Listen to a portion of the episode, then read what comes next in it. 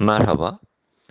BIST 100 son işlem gününde yukarı açılışın ardından günün genelinde yatay hareketteydi. Kapanış 1367 seviyesinde gerçekleşti. Endekste destek ve tepki bölgesi olarak değerlendirdiğimiz 1350-1330 bandından tepki çabası görüyoruz.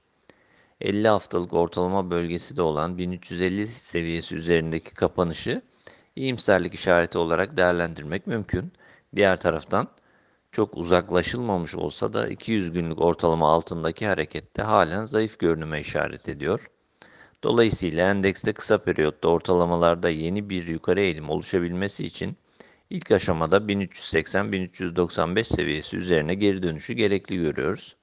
Sonrasında yeniden gündeme gelebilecek 50 ve 100 günlük ortalamanın da bulunduğu 1405-1413 seviyesi de kısa periyot için nispeten güçlü direnç bölgesi olarak görülebilir.